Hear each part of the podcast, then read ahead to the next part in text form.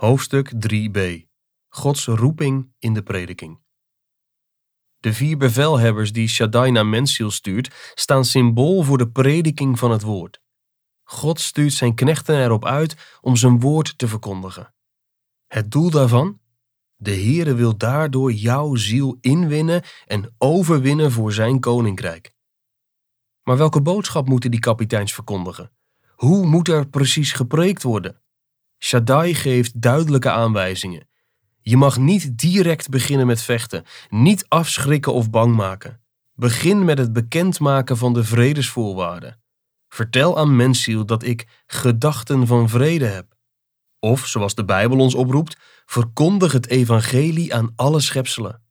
Dienaren van de Here mogen dus niet beginnen met hel en verdoemenis. Ze moeten juist eerst de liefde van Shaddai bekendmaken bij de poorten van Mensiel. In zijn naam moeten ze bekering en vergeving van zonde verkondigen. In zijn naam mogen ze het uitroepen. Luister naar koning Shaddai en word behouden. De Heere spreekt dus in de eerste plaats over vrede. Hij hoopt dat je onder dat aanbod van vrede al zult buigen voor hem. Dat je alleen al door dat aanbod van Gods genade jezelf aan hem overgeeft. Maar wat als dat vredesaanbod niets oplevert? Dan zet Shaddai een volgende stap. Doe het met list en geweld. Wat hij daarmee bedoelt? Dat hij zijn dienaren opdracht geeft om erop uit te gaan naar de landwegen en de heggen, om hen te dwingen om binnen te gaan. Dwingen dus. Dat is wat. Dwingen, dat is spreken over het oordeel dat hen boven het hoofd hangt. Een dreigement met maar één doel: overgave aan de Here. Dat moet het doel zijn van alle ernstige woorden en boodschappen vanaf de preekstoel. Dat leert de Bijbel ons. En de beleidenisgeschriften zeggen dat na. Lees maar eens in de Dordtse leerregels. Als daar gesproken wordt over de verwerping, zetten de leerregels dat in deze context, zolang zij zich niet met ernst tot God bekeren. Diabolos houdt niet van zo'n ernstige, maar uitnodigende preek van Shaddai. Hij weet niet hoe snel hij zich op het marktplein moet melden om de inwoners weg te lokken bij de muren. Stel je voor dat ze die boodschap van Shaddai horen of nog erger, dat ze die nog zouden geloven ook. Herken je dat in je leven? Satan wil ons wegtrekken, weg van het aanbod van vrije genade. En hij heeft er alles voor over om onze oorpoort gesloten te houden. Die leugenachtige slang verdraait zelfs de boodschap van God. Hij maakt Gods aanbod van genade verdacht. Hij spoort ons aan niet op God te vertrouwen. Wat een wonder dat God toch doorgaat met zijn werk, dat hij de kapiteins bij de poorten van Mensiel oproept om zijn vredesplan te blijven aanbieden. Laten we eens kijken naar de boodschap van een van die kapiteins. Kapitein Overtuiging. Hij roept de inwoners van Mensiel toe. Laat dit aanbod van genade toch niet aan jullie voorbij gaan. Keer Gods genade niet de rug toe. Namens Christus smeken wij. Laat u met God verzoenen.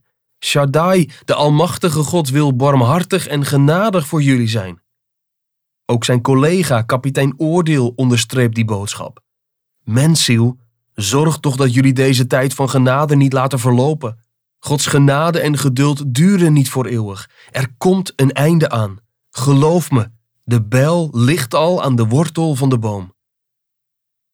Die boodschap komt nu ook tot jou en mij. Ook bij ons ligt de bijl al aan de wortel van de boom. Het stelt ons voor een keuze. Willen we in dankbaarheid vallen voor de koning of straks vallen door de koning? Het is het een of het ander. We gaan allemaal een keer door de knieën voor koning Shaddai. Eens zal elke knie zich buigen voor hem. Eens zullen we allemaal beleiden dat Gods woord de waarheid is. Ieder van ons zal ooit zeggen dat koning Shaddai ons genadig heeft willen zijn. Dat staat allemaal vast. Maar het is wel een groot verschil hoe en wanneer we dit doen. We lopen net als mensen het risico dat we te laat zijn, dat we Gods aanbod van genade laten lopen.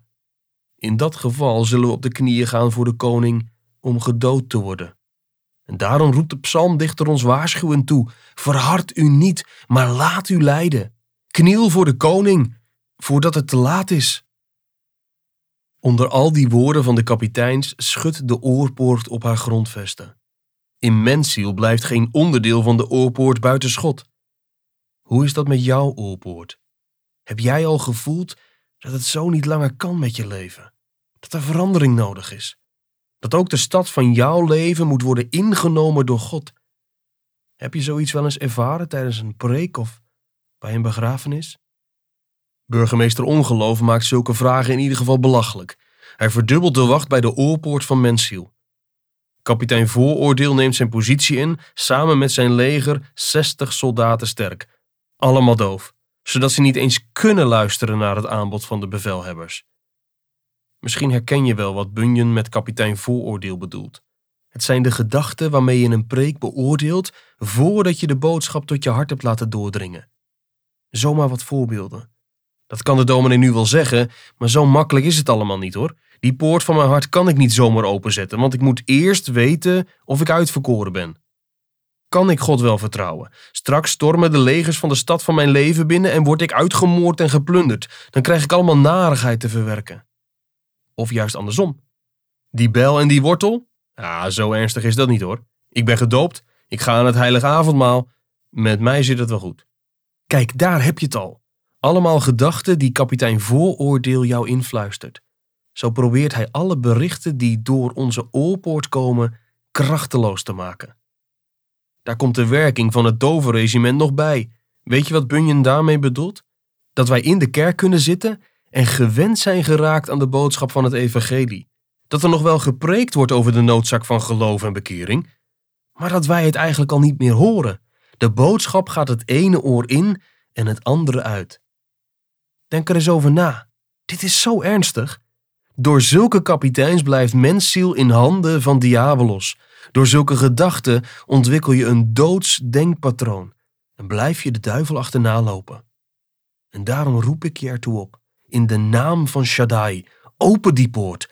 Shaddai is barmhartig en genadig en hij wil niet dat je omkomt. Trotseer de koning toch niet. De beschietingen van mensziel gaan door. Dat zorgt voor een hoop onrust in de stad. En zo is het ook met ons. Als de Heer onze ziel op het oog heeft, is het gedaan met onze rust. Het dak van ons ongeloof wordt weggeschoten. Waar je dat aan merkt? Alle zonden in je leven maken je onrustig. Ongeloof komt in de kou te staan en meneer geweten gaat weer tot je spreken. Je vraagt je misschien af, kan ik mijn geweten dan zomaar vertrouwen? Ja, Shaddai heeft in ons geweten een bondgenoot. Het is de beste medewerker die de stad Mensziel in de kerk maar kan hebben.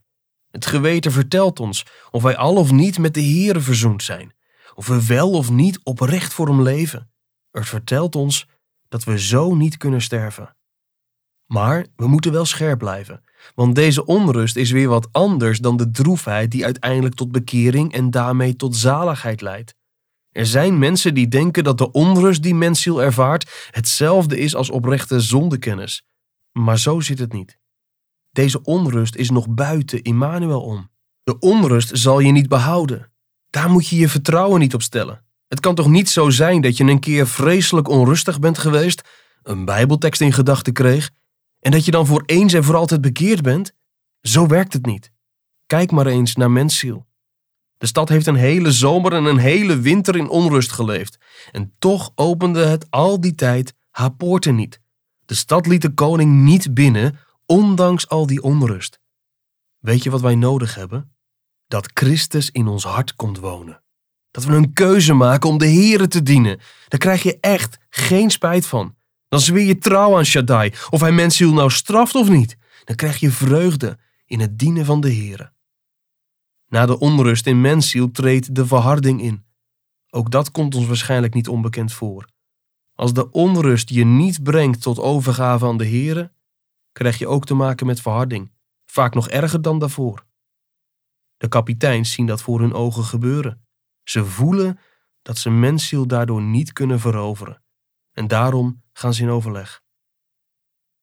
Zo is het ook met ons.